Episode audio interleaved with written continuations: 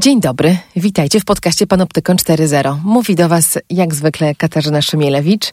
Jesteśmy w podcaście, który dotyka tego, co ciekawe, niepokojące, ważne na styku człowieka e, i technologii. Tematów nam, nam nie brakuje. Ostatnio dużo rozmawiałam o roli wielkich platform, o regulacji, o ochronie danych, bo mamy taki moment, w którym europejska regulacja chroniąca nasze dane osobowe RODO już prawie kończy rok. Mm, Fundacja Panoptykon kończy 10 lat. Nastroje wspominkowe, e, tematy się nie kończą. Dzisiaj mm, chciałabym trochę dotknąć takiej istoty ochrony prywatności, czy my możemy zachować prywatność jednocześnie mając kontrolę nad swoją tożsamością? Czy jako ludzie korzystający z sieci możemy zabezpieczyć się przed na przykład tym, że ktoś się pod nas podszyje, nam coś odbierze, um, ukradnie tożsamość, wywoła nam jakąś szkodę, a jednocześnie zachować prywatność? Czy jest tutaj sprzeczność i napięcie? To jest ciekawe, trochę filozoficzne pytanie, ale obiecuję, że będzie też bardzo praktycznie, bo będziemy rozmawiać o konkretnych rozwiązaniach i też trochę o e, sztucznej inteligencji, o jej etyce i o tym, jak się wobec niej ustawiać, żeby ją kontrolować, a nie ona nas kontrolowała czy, czy, czy poprawiała. No chyba, że tego właśnie chcemy. I do tej rozmowy zaprosiłam bardzo ciekawego rozmówcę. Technologie i człowiek. Człowiek i technologie. Gdzie na tym styku czekają na nas zagrożenia? Jak korzystać z technologii, by na nich skorzystać? Jak kontrolować, kto gromadzi o nas informacje i do czego ich używa? Z ekspertami i praktykami rozmawia Katarzyna Szymielewicz. Panoptykon 4.0 Podcast to KFM.pl i Fundacji Panoptykon. Ze mną w studiu Mateusz Chrobok. Mówisz o sobie, że jesteś geekiem, hobbystą, człowiekiem, którego interesuje cyberbezpieczeństwo. Ja mhm. też wiem, na LinkedInie tego nie ukrywasz, że założyłeś startup, który mm, nazywa się po polsku, to by brzmiało cyfrowe odciski palców, tak więc w moim rozumieniu no, interesujesz się identyfikacją ludzi. Nie wiem, czy ich śledzeniem, do czego tak naprawdę zmierzasz, ale jak słyszę od ciebie bezpieczeństwo, prywatność w jednym zdaniu i bezbłędna identyfikacja albo odróżnienie człowieka od niego człowieka, to trochę mam poczucie y, pomieszania pojęć. Jak to jest? Bardziej chronicie prywatność, czy bardziej staracie się zidentyfikować, kto jest kto i po co? E, bardzo słusznie. E, z mojej perspektywy to wygląda tak, że mamy w tej chwili bardzo delikatną granicę, ponieważ jest bardzo dużo serwisów, które wykorzystują nasze dane w zupełnie inny sposób niż do tego zostały przekazane. Więc takim pomysłem, który nam się wrodził w głowie, zróbmy usługę, która ma pewną wartość biznesową w zupełnie inny sposób. To znaczy, ochrońmy użytkowników za pomocą ich zachowania przy zachowaniu ich prywatności. I tutaj bardzo Ochrońmy ważne... ich przed tym, że ktoś się pod nich podszyje. Tak jest. To naszym celem jest przede wszystkim zapobieganie takim sytuacjom, w którym ktoś straci swój login i hasło, albo gdzie wyciekną nasze dane, albo będą przyklejone na jakiejś żółtej karteczce, gdzie to jest takim uh-huh. typowym Kto się przejmie? Ktoś je przejmie, bo efekt tego jest taki, że później każdy właściciel serwisu, i nieważne czy chodzi tutaj o jakiś sklep internetowy, czy o bankowość, czy gdziekolwiek, gdzie macie konto, to sytuacja jest taka, że za pomocą loginu i hasła ktoś myśli, że po drugiej stronie jesteś ty jako osoba. Czyli bank mówi, e, sorry, e, ktoś, kto się logował do swojego konta i wyprowadził pieniądze, wyglądał dokładnie jak ty. Skąd miałem wiedzieć, że to był złodziej? E, dokładnie tak, dokładnie tak, bo rzeczywistość jest taka, że wszystko to, co się w świecie elektronicznym, jest pewnym modelowaniem tego, jak wygląda nasz świat. Dla nas y, próbujemy za pomocą takiego zupełnie naturalnego y, sposobu działania, czyli tej biometrii behawioralnej, która jest związana z tym, jak my wchodzimy w interakcję, rozróżnić, czy to jesteś ty na swoim koncie, czy to ktoś inny, kto próbuje się pod ciebie podszyć. Dobra, stop. Biometria behawioralna to już e, duże dla mnie dwa powody, żeby się zatrzymać i próbować jakoś to wyjaśnić. Mhm. E, zbieracie odciski palców, takie, w, e, rozumiem, że niedosłowne, bo jesteśmy cały czas w internecie, przypominam, tak czyli to nie jest usługa, która dzieje się na poczcie czy w banku fizycznie, to jest wszystko w sieci, więc palec jako taki jest tylko na klawiaturze. Wy zbieracie obraz człowieka? Zachowanie człowieka? Jakiś mhm. opis, model człowieka, żeby go rozróżnić od innego? Tak jest. No, wszystko to jest, wszystkie metody biometryczne ogólnie są pewnymi metodami statystycznymi. My patrzymy sobie w to, w jaki sposób człowiek korzysta z klawiatury, uh-huh. jakie ma tempo pisania, jak korzysta z myszki, w jaki sposób tam rysuje krzywe, na przykład jak porusza się, ale nie interesuje nas to, co robi. I to jest ta cienka granica. Interesuje nas jak robi, ale nie to, co robi. Dokładnie tak. A jego na przykład oczy, gałka, ruch, gałki ocznej, takie rzeczy też? Nie, nie, nie. Nie są to elementy, w które my wkraczamy. To jest tylko takie, tak, to jest biometria behawioralna typu drugiego, czyli na styku interakcji człowieka z komputerem, ale Aha. wszędzie tam, gdzie nie mamy do czynienia z cechami niezmiennymi, bo na przykład gałka oczna, czy tam elementy związane z naszymi rzeczywistymi odciskami palców, to są takie rzeczy, które bardzo trudno zmienić i są bardzo wrażliwe. Mhm. Właśnie, dochodzimy do bardzo ciekawego rozróżnienia i może to zaczyna mnie uspokajać i wreszcie zaczynam rozumieć, co mówisz, kiedy mówisz y, ochrona prywatności, y, bo podkreślasz, że dla ciebie to jest ważne. Dla mnie też, dlatego się spotykamy i, i, i rozmawiamy, bo mnie to zaintrygowało, co wy tak naprawdę robicie i do, dlaczego to jest potrzebne. Mhm. Rozumiem, że człowiek chce mieć ten komfort w sieci, że ktoś się pod niego nie podszyje. Ja bym chciała rzeczywiście mieć taki komfort, a jednocześnie no nie czułabym się, w ogóle nie czuję się ok z tym, jak urządzenie typu yy, telefon yy, zbiera mój odcisk palca. Nawet jeżeli sobie robi z niego jakiś model, zapisuje go w formie cyfrowej oczywiście, a nie obrazka, mhm. nadal nie czuję się z tym dobrze, że jakieś urządzenie ma taką cechę, którą, tak jak powiedziałaś, jest stała. I wy tego nie robicie, proponujecie rozwiązanie, które obserwuje moje zachowanie, i wyciąga z niego co? Jakąś statystyczną prawidłowość, tak? Że ja to tak. ruszam palcem w taki sposób zwykle. Dokładnie. Ten proces cały tworzenia tego mógłbym porównać do pieczenia na przykład bananowca, gdzie na początku masz banany, masz jakieś Aha. ciasto, ale potem jak już stworzysz to ciasto, to nie da się odzyskać bananów. To znaczy, e, tak mówiąc kolokwialnie. Można je zjeść, dalej są smaczne, ale są elementem ciasta. E, dokładnie tak. Natomiast to, jest, to są takie procesy nieodwracalne. Twoje odciski palców, i to jest tak ten słynny przypadek gdzieś tam w, Niemiec, w Niemczech, który się wydarzył, gdzie e, na podstawie zdjęcie odcisku palców udało się odblokować czyjś telefon. No o, ja to... pamiętam taki, e, taką sprawę też z kongresu hakerskiego no, z niemieckiego, CCC. CCC. Oboje Byłem... znamy tą imprezę, tak. gdzie hakerzy po prostu ze szklanki zdjęli Dokładnie. odcisk palca ministra i e, coś podpisali chyba, tak? E, odblokowali Czy... telefon, jak dobrze pamiętam, mm, ale tak. taki jest efekt. Udowodnienie ograniczenia tej klasycznej biometrii. I wy nie idziecie w to, tylko tak. idziecie, czyli, tak, czyli w waszym modelu nie dałoby się tak łatwo udawać ministra, prawda? E, w szczególności dlatego, że zachowanie każdego z nas zmienia się w czasie. To znaczy trochę inaczej zachowamy się w poniedziałek, w piątek, jak jesteśmy mhm. zmęczeni, radośni, smutni. I piękno polega na tym, że my wraz ze zmianą na przykład sprzętu, ze zmianą naszego zachowania jesteśmy inni, więc nawet jeżeli ktoś próbuje nas podrobić, to jest to podrobianie na obecną chwilę. Tu wchodzimy w taką dziedzinę, która jest związana z atakami na metody uczenia maszynowego i tak naprawdę jak to działa, Dobra, jak poczekaj, uczenie się. maszynowe, kolejny zbitek słowny, który czuję yy, w imieniu słuchających nas, czuję, że chcia, chciałabym go lepiej wyjaśnić. Jasne. Czego ta maszyna się uczy? W naszym przypadku patrzymy głównie w dziedzinie czasu i częstotliwości, czyli ta dynamika, jak klikasz, on tworzy sobie taki strumień, mówiąc obrazowo, na, e, który... Strumień moich danych. Strumień danych, tak. Tylko danych, które nie mówią, kim ty jesteś. Są pewnym zachowaniem.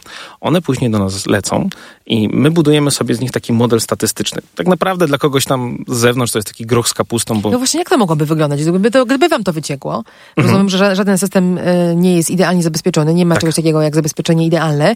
Wycieka wam to i co ja wtedy znajduję? Jakiś zapis numeryczny, tak? Mm, tego, tak. że nie wiem, mój ruch myszką i palce w waszej bazie to jest ciąg po prostu cyfr?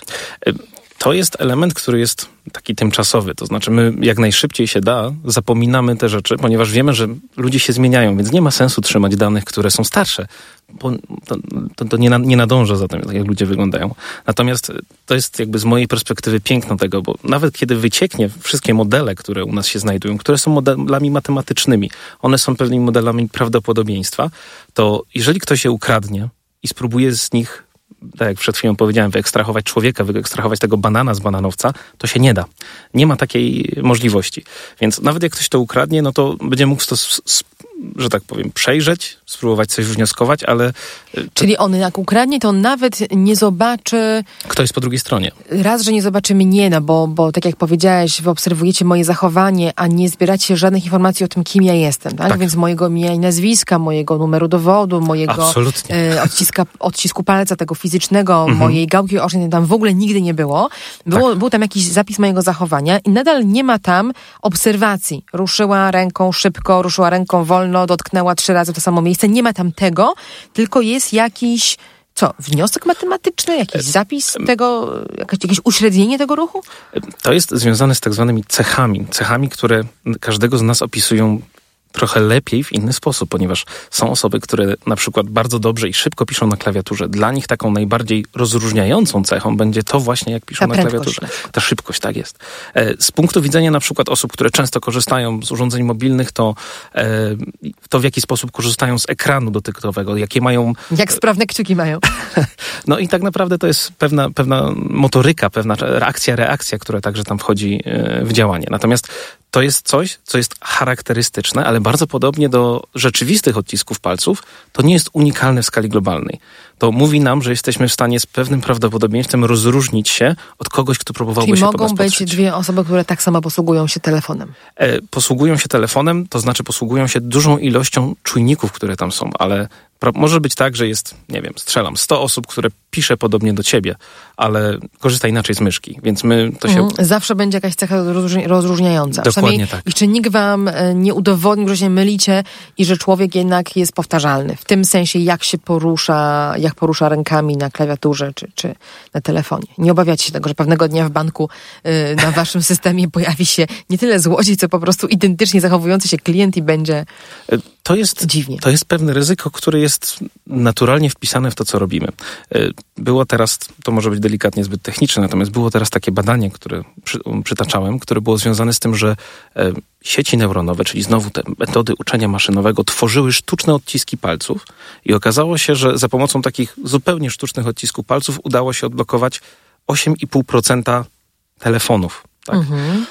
Standardy takie europejskie ISO mówią o tym, że to powinno być statystycznie, że 1 do 50 tysięcy użytkowników może się powtórzyć. No, to nie brzmi strasznie, ale jeżeli ktoś ci Maszyna powie, że... wymyśliła odcisk palca, Tak. który rzeczywiście się e, pojawił. Tak. No ciekawe, czyli w, tym, w, tej, w, tej, w tej identyfikacji, ja mówię identyfikacja, mówię tym bardzo potocznie, ty mnie poprawiasz, mówisz, że to nie chodzi o identyfikację, chodzi o walidację, tak? Tak. O stwierdzenie, czy ten człowiek to jest ten, o którego nam chodzi, na przykład klient banku, który się próbuje zalogować na swoje konto, czy to jest ktoś inny. Mhm. E, W tej walce też jesteśmy w wyścigu zbrojeń, jak rozumiem. Naturalnie, Też cały czas naturalnie. ktoś próbuje nas tutaj wyprzedzić i przechytrzyć. Jak ty opisujesz tę biometrię behawioralną, dla mnie to było nowe pojęcie, dlatego uznałam, że jest bardzo ciekawe i, i warto się mu bliżej przyjrzeć. To, to mi się trochę kojarzy z takim opisem ludzkiej psychiki, mm, o którym zrobiło się głośno po tym, jak, e, jak ekipa Trumpa w, e, Mhm. na etapie wyborów próbowała manipulować wyborcami, czy też Tak przekonywać jest. ich skuteczniej, może tak to powiedzmy, w oparciu o ich cechy psychometryczne, tak? Czyli Tak jest. psychometria, a więc sposób takiego opisania e, tego, jak działa nasz mózg, jak działa, jaki mamy nie wiem, charakter, cechy osobowości, różne rzeczy na- to się składają, że ktoś jest bardziej otwarty, ktoś bardziej zamknięty. To są Tak. bardzo proste cechy, ich tam jest, no powiedzmy, kilkanaście w modelu. To Tak. wy mówicie, e, przykładając to do tego, w waszym modelu pewnie są jakieś tysiące cech. Jest ich sporo i jest ich coraz więcej, natomiast to nie ilość jest tym, co, co jest istotne. Jest taki element, który jest taką częścią naszej etyki funkcjonowania. Przede wszystkim przy takim uczeniu nie wolno mieć na wejściu do tego uczenia danych, które mogą być wrażliwe. To znaczy wszystkie takie kwestie typu jaką ty masz płeć, jakie masz wyznanie, skąd jesteś, ile zarabiasz. My po prostu tego nie mamy i nie chcemy mieć, bo gdyby takie metody nauczyły się takiej zależności, to byłoby bardzo, bardzo niedobrze. Takich przykłady były, żeby niedawno nie mnożyć, na przykład e, na podstawie obserwowania Twittera e, metody uczenia maszynowego nauczyły się być rasistowskie. I teraz podchodzi takie wielkie larum, no dobrze, no to ci twórcy tych metod są strasznymi rasistami, bo stworzyli takie metody. Ale to poczekaj, na czym to dokładnie polegało? Czyli, y, bo teraz mówiliśmy do tej pory o sytuacji, w której próbujemy stworzyć system i, i ty go wymyśliłeś i Mhm. rozumiem, on działa, który pomaga odróżnić człowieka od drugiego człowieka. Więc Tak wszystko, co potrzebujemy o nim wiedzieć, to jest to, że to jest ten, a nie inny. Nie Dokładnie. musimy wiedzieć, że ten człowiek przy okazji pisania w taki, a nie inny sposób ma jeszcze jakieś inne cechy. Na przykład jest katolikiem, To albo Żydem, albo interesuje. kobietą, albo mężczyzną. Mhm. Ciebie nie interesuje, ale rozumiem, że opisujesz teraz systemy inne, Tak. w których to jest ciekawe. W których ktoś obserwuje Twittera czy Facebooka, żeby dowiedzieć się, jaki poziom inteligencji ma ta osoba, albo jakie ma Dokładnie. wyznanie, albo jaki ma, jaką ma orientację seksualną. Tak? Rozumiem, że o Dokładnie. tym mówimy. I co tutaj się dzieje? Tu mamy do czynienia z, taczym, z taką tak naprawdę troszeczkę wolną Amerykanką, która powoli jest rozwiązywana, ponieważ e, ogólnie w sztucznej inteligencji i w tym, jak podchodzimy do niej, trudno jest powiedzieć, dlaczego dostaliśmy taki wynik. To znaczy, jak mamy ten, ten nasz groch z kapustą, gdzie próbujemy z tych danych coś wywnioskować, stawiamy sobie jakąś tezę, natomiast ta teza jest postawiana dla pewnej sytuacji, którą opisujemy historycznie. Czyli możemy sobie powiedzieć, czy e, jutro będzie piątek.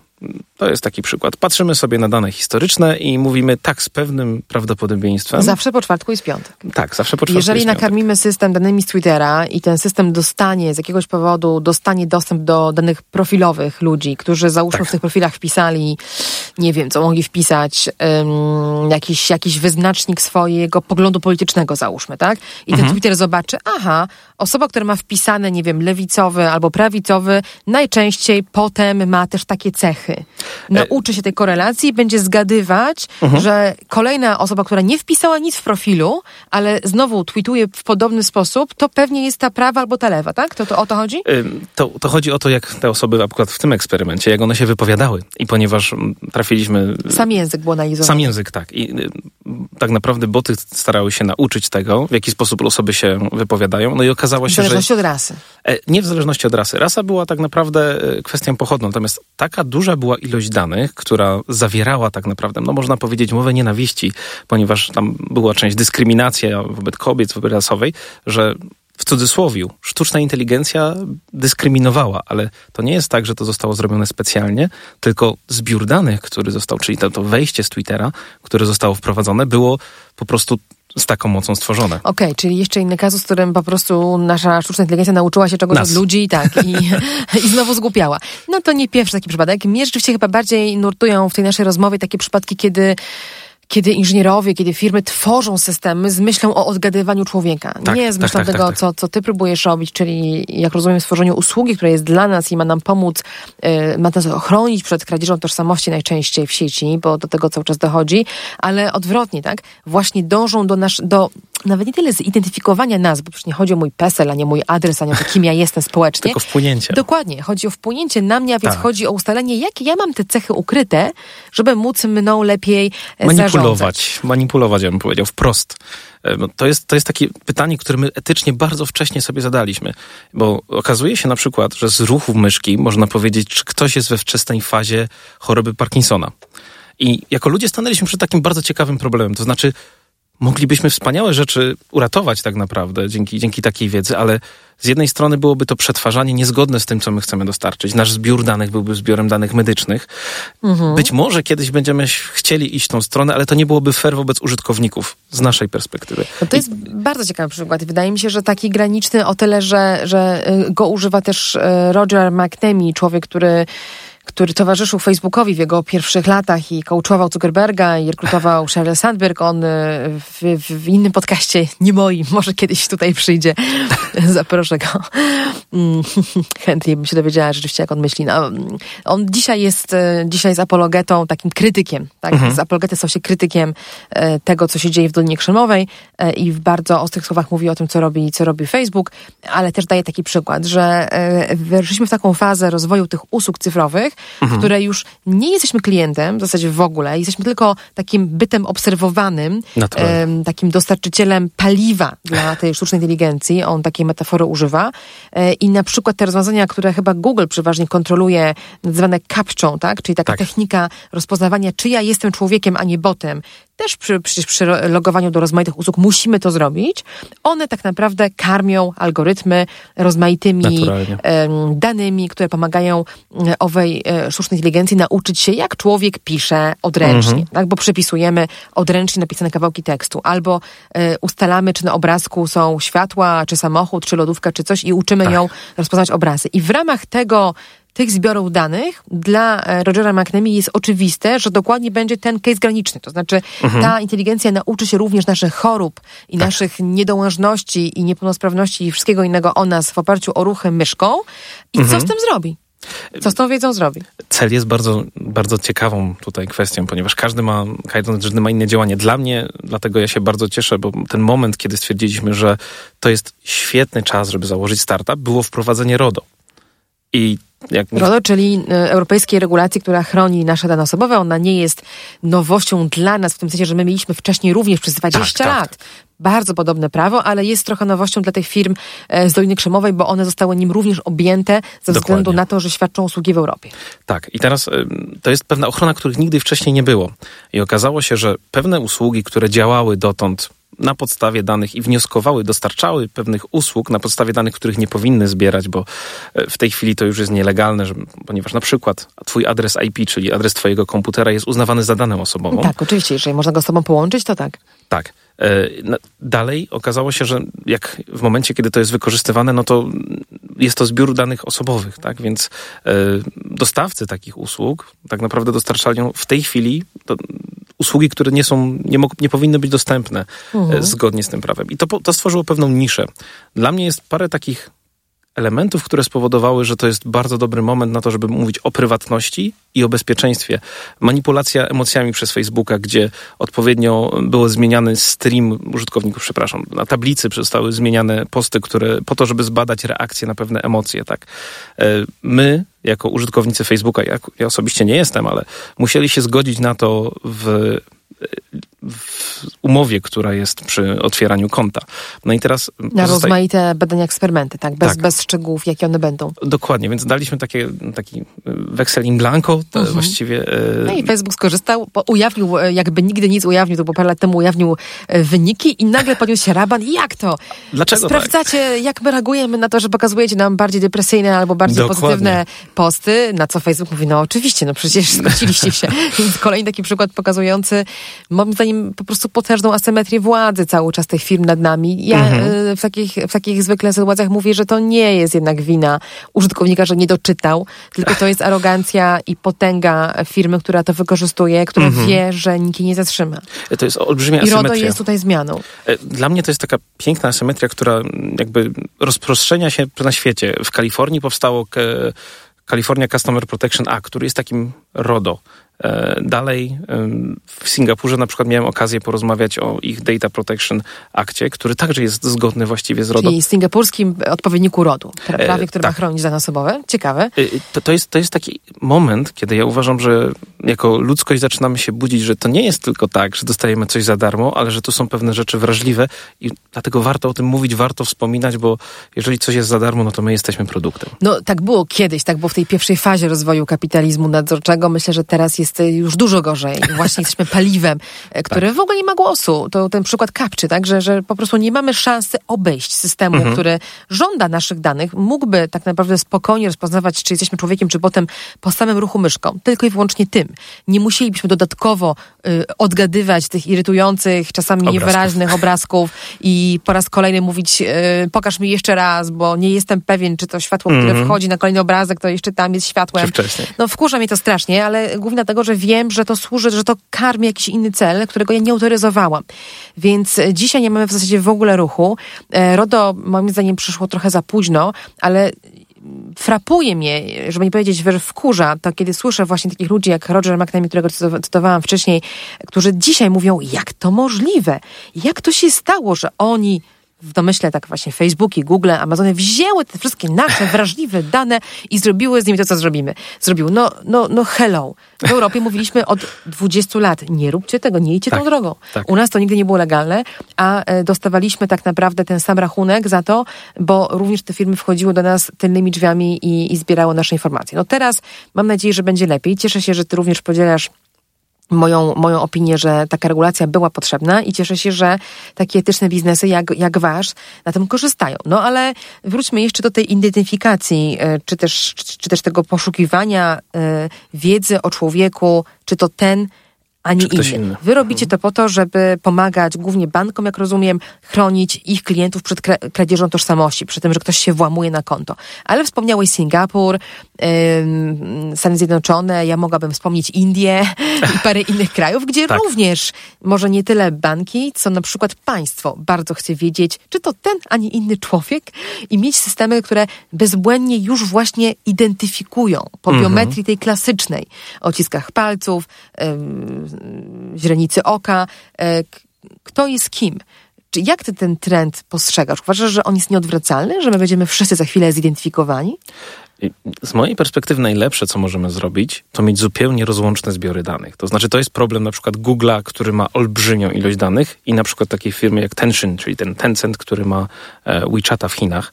Miałem okazję parę miesięcy temu być w ich e, siedzibie i kiedy dowiedziałem się, że oni za pomocą ich aplikacji, która tam ma ponad miliard użytkowników, można e, oczywiście zamówić taksówkę, zapłacić, z drugiej strony zrobić takie rzeczy, jak umówić się do lekarza, więc wiedzą też na co i kiedy jesteś chory, z kim to się jest, spotykasz. E, prywatna usługa. E, po, formalnie, czy to jest usługa, którą jakoś Nie, to, to jest państwo? prywatna, natomiast mhm. ona osiągnęła taki poziom i to był moment, kiedy ja się absolutnie przeraziłem, że na przykład kiedy będziesz chciał złożyć wniosek do rozwód do lokalnego kantonu, to możesz to zrobić też przez aplikację.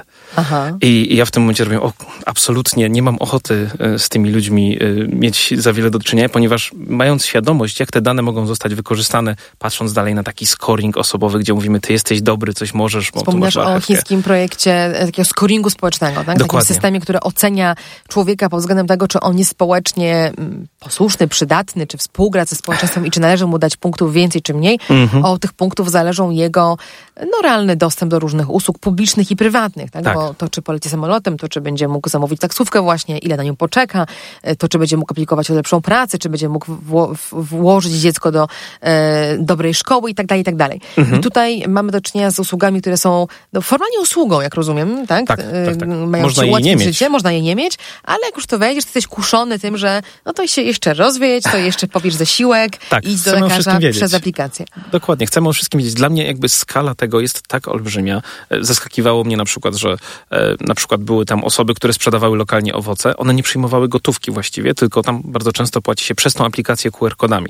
Dalej była, e, spotkałem na przykład jakichś lokalnych muzyków, którzy nie zbierali, jak to się ładnie mówi, do kapelusza, tylko też były QR-kody.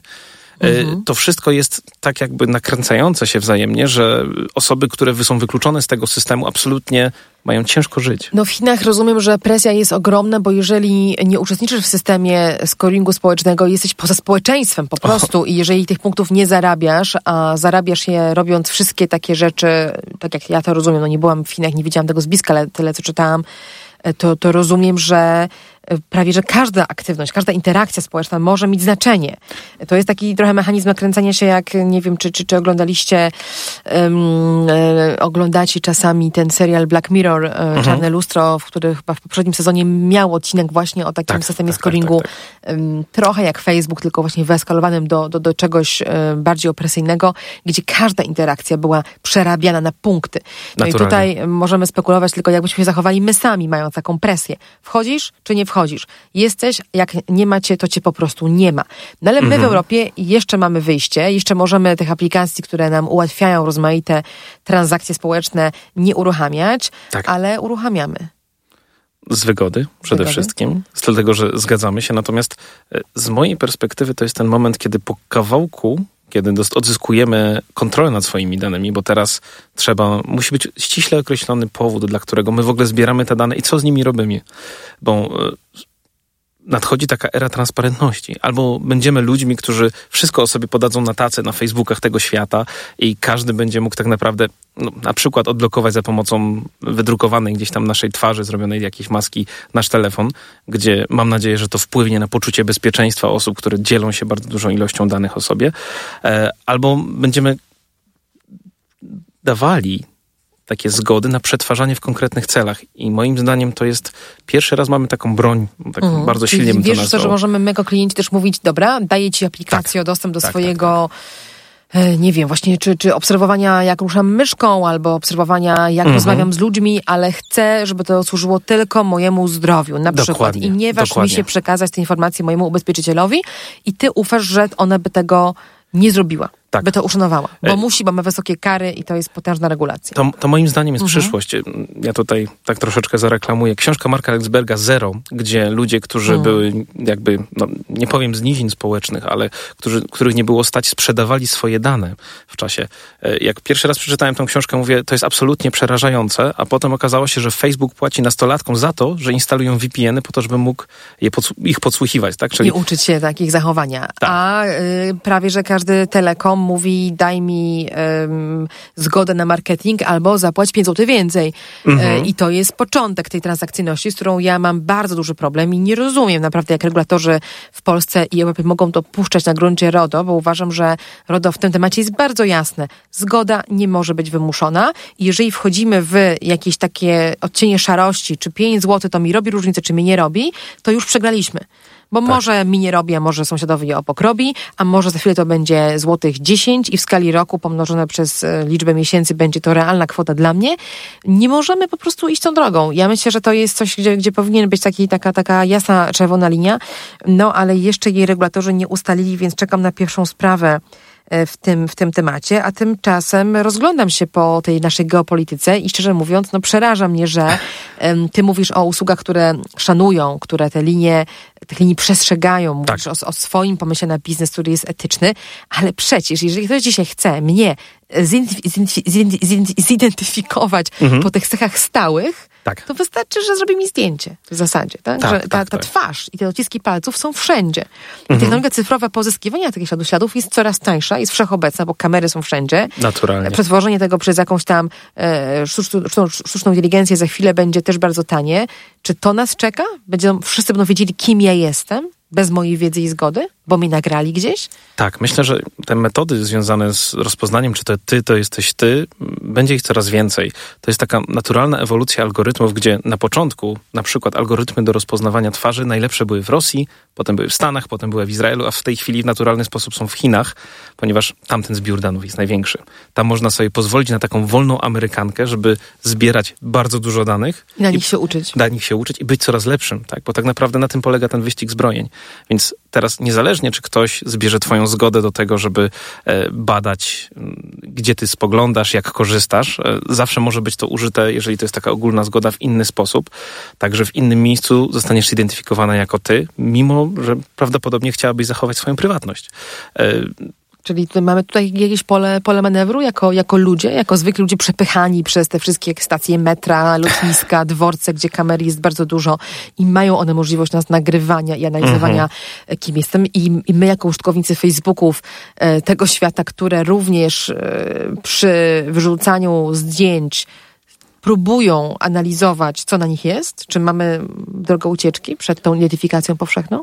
Moim zdaniem to, co teraz będzie bardzo istotne, to będzie to, żeby ludzi, ludziom pokazać, co najgorszego może ich spotkać. I to jest coś, co się dzieje, bo z jednej strony e, mamy tą aferę, która w cudzysłowie nazywa się Cambridge Analytica, czyli wpływanie na to, w jaki sposób głos głosowali. Mhm, taką e, przestrogę, że można na nas, że to chodzi o wpływ tak naprawdę. Tak, tak, tak nie tak. o usługę, ale o wpływ e, że, że, można być manipulowanym, tak? Bo ludzie e, tak naprawdę bardzo często, z którymi mam do czynienia, mówią, ale mnie to nie dotyczy, ponieważ ja, ja sam podejmuję decyzje. Rzeczywistość jest taka, że przy odpowiednim środowisku, które jest nam podane, podane tak naprawdę, bo tacy, bo e, te wszystkie media dążą do tego, żeby to one za nas wybierały, bo to one wiedzą lepiej.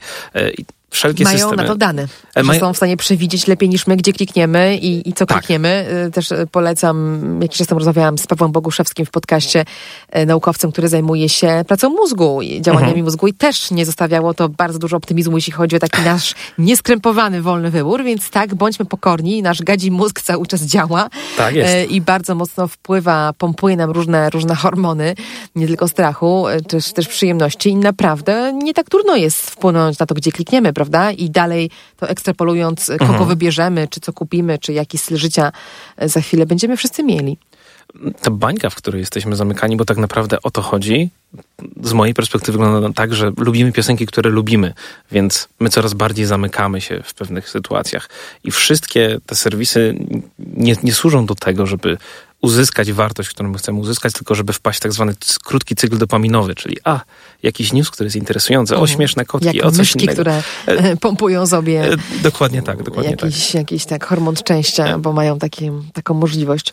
I dochodzimy teraz do takiego momentu, gdzie przyszłość nasza i przyszłość sztucznej inteligencji, która przez niektórych jest nazwana tak naprawdę końcem ludzkości, bo nie wiadomo jak sztuczna inteligencja się zachowa, czy nie stwierdzi, że my jesteśmy właściwie przeciwnikami, zabieramy Trzeba energię. Nas wyeliminować wyłączyć, wyłączyć, mhm. tak. Ewentualnie zachować jako dostawców prądu, jak w Matrixie. tak, jest, jest to jedna z opcji.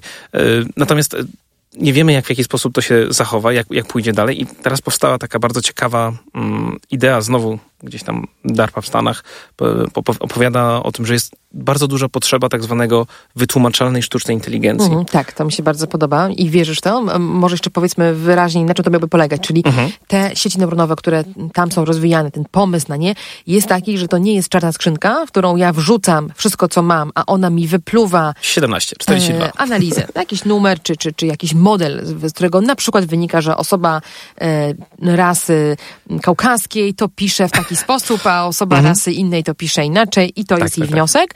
E, tylko ona pozwala mi prześledzić swoje wnioskowanie.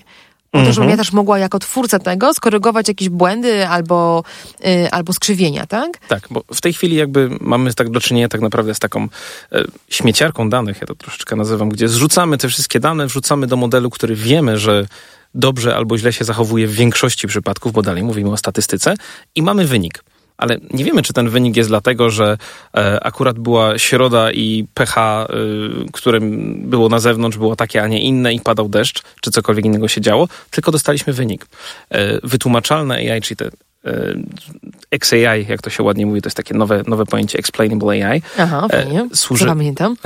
służy do tego, żeby móc powiedzieć, że w sytuacji, kiedy dostaliśmy wynik, jesteśmy w stanie powiedzieć dlaczego. To znaczy, to jest takie szczególnie bolesne, kiedy ktoś cię ocenia bez udziału człowieka, bo to jest taka ucieczka od, od rozmowy, od takiej naprawdę relacji. E, scoringi kredytowe, który jest na takim najbardziej brutalnym i prostym przykładem, e, odmówiono nam kredytu. Nikt nigdy nie powie nam dlaczego. No już teraz nam powie, bo e, pan Optykon zresztą był w tym w to mocno zamieszany. Wy, wywalczyliśmy w Polsce takie właśnie nowe prawo do tego, mhm. żeby mieć wyjaśnioną, wyjaśnioną decyzję, podstawy decyzji kredytowej dla każdego w każdej sytuacji, czyli jeżeli dzisiaj oceni mnie czy to człowiek, czy to właśnie taki system oparty o algorytmy i wypluje mi negatyw, to ja mogę sprawdzić, co miało na to wpływ. Mogę to zrobić, to jest bardzo świeża rzecz, która, która e, obowiązuje od maja, zachęcam cię do, do testowania, ale zupełnie poważnie wracając do tej koncepcji, w banku to jest dosyć proste, mam wrażenie, bo tutaj te modele nie są aż tak skomplikowane, one też podlegają nadzorowi rozmaitych organów. Banki, o ile mi wiadomo, nie wkładają tam milionów zmiennych, tylko to są jednak takie ogarnialne rzeczy. Ale jeżeli ktoś wrzuca dane z całego Twittera czy całego Facebooka i mówi po prostu ucz się, tak. szukaj, a, a coś znajdziesz, e, te systemy posługują się taką ilością zmiennych, że co one mogą nam wypluć? One mogą nam wypluć setki stron zadrukowanych jakimiś dziwnymi czynnikami, prawda? E, one mogą dojść do bardzo niespodziewanych wniosków. E, ja nie wiem, czy kojarzysz na przykład taki przykład Tesli czerwonego roweru. Y, rower na samochodzie, tak? To odróżnienie... Y, to, mhm, tak, to, to właśnie, to właśnie, właśnie był taki Proszę. przykład, że w sytuacji, kiedy mamy do czynienia z tymi jakby bieżącymi metodami sztucznej inteligencji, gdzie mówimy, dobra, cel jest taki, naucz się. Rozpoznaj samochód i odróżnij go od roweru. E, tak, tylko tego nie można tak wprost powiedzieć, bo y, my zjeżdżamy z górki. Cała sztuczna inteligencja polega na tym, że losujemy sobie górkę, na której jesteśmy i staramy się zjechać na rowerze do, do, do, do najbliższego dołka. Bo tak rzeczywiście matematycznie to jest opisywane. I teraz y, nie wiemy, jak ta ścieżka wyglądała, mhm. ale okazało się w przypadku Tesli, że w momencie, kiedy samochody zauważyły czerwony rower, to nie reagowały tak, jak powinny. Tam y, awaryjne hamowanie i te przykłady.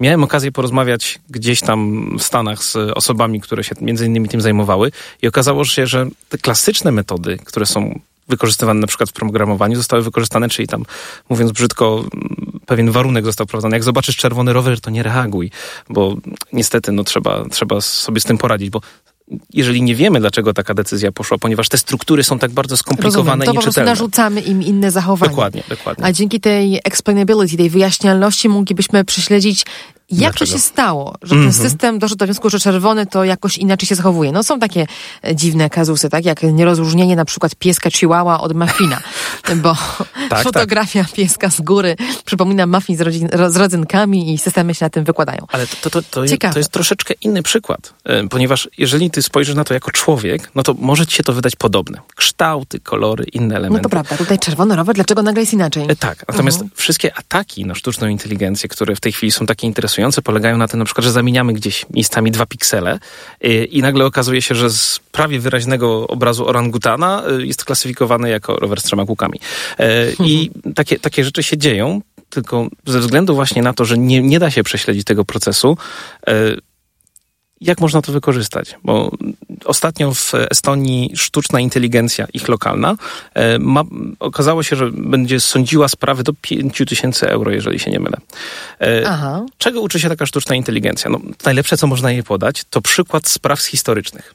No więc jak będzie taki sędzia... Czyli nakremimy ją naszymi wszystkimi ludzkimi skrzywieniami, błędami, błędami stereotypami i tak, tak dalej. Dokładnie. No ciekawe, ja chyba wolałam, żeby życie już dostała jakiś kodeks, może nie karny, bo to było za grube, ale, ale sprawy gospodarcze, tak? Żeby dostała już te wszystkie mhm. przepisy dotyczące spółek handlowych i umiała rozróżnić fakturę od niefaktury, fakturę podrobioną od, od prawidłowej, mhm. E, przeczytać umowę i, i, i ustalić, co, co w tej umowie jest, prawda? Tak I na ile to pasuje do, do naszego prawa i co z tym zrobić. To, to mi się wydaje sensowne, ale uczenie się na historycznych sprawach zupełnie spalony pomysł. No ciekawe, ja bardzo chętnie porozmawiam jeszcze o, o tym explainable AI, czyli wyjaśnialnej sztucznej inteligencji, bo z tego, co do mnie dociera, to naprawdę pomysł jest niezwykle potrzebny. Bez mhm. niego w zasadzie nie możemy mówić o dalszym rozwoju tych systemów, w mojej opinii, ale też kontrowersyjny i w wykonaniu może okazać się być bardzo trudny. Więc obiecuję, że postaram się upolować rozmówcę do tylko tego wątku, jak to miałoby działać. Jeśli znasz takowego, takową, to yy, sugeruj proszę. Ja się cieszę, Jasne. że dzisiaj mogliśmy trochę zanurkować w ten świat